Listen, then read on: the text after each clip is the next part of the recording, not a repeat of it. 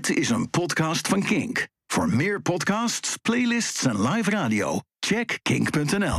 Kink. Kink op de week. Afgelopen week heeft Willem-Alexander de troonrede uitversproken en daarna waren er algemeen beschouwingen. En er is goed nieuws, er komt een flinke salarisverhoging aan. Woehoe! Uh, wel alleen voor de vier multimiljonairs die wettelijk vrijgesteld zijn van belastingen. Sorry, als je dacht dat jouw salaris omhoog zou gaan. Mooi niet, stelletje paupers. Willem-Alexander krijgt er zo'n 55.000 euro per jaar bij.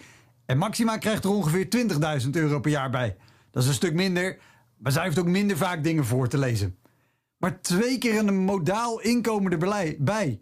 Belastingvrij. Alsof de postcode kanjer op het koninklijk huis is gevallen.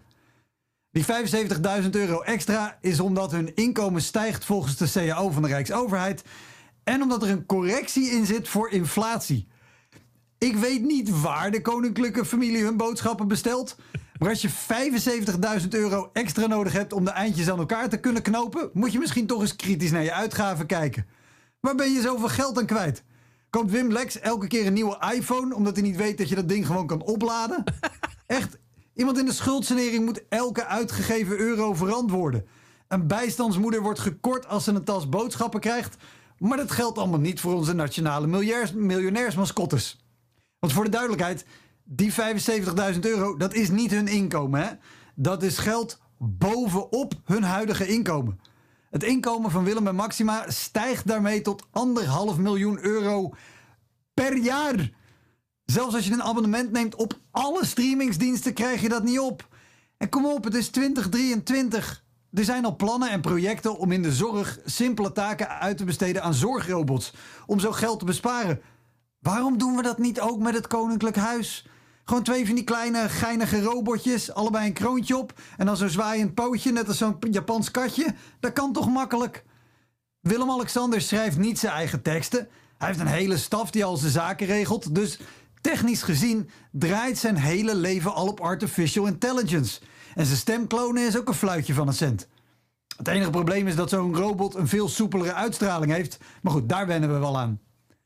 Voor het eerst ooit was ik het volmondig eens met Geert Wilders. Die wilde dat Mark Rutte de koning zou vragen om zijn salarisverhoging gewoon terug te storten. Dat is geen gek idee. Amalia stort haar studiefinanciering van 1,8 miljoen ook terug. Maar goed, zij hoort medestudenten ook de hele dag door dingen tegen elkaar roepen als... Wajo, je hebt bier gehaald, koning! Ja, dan hecht je al snel wat minder waarde aan zijn titel.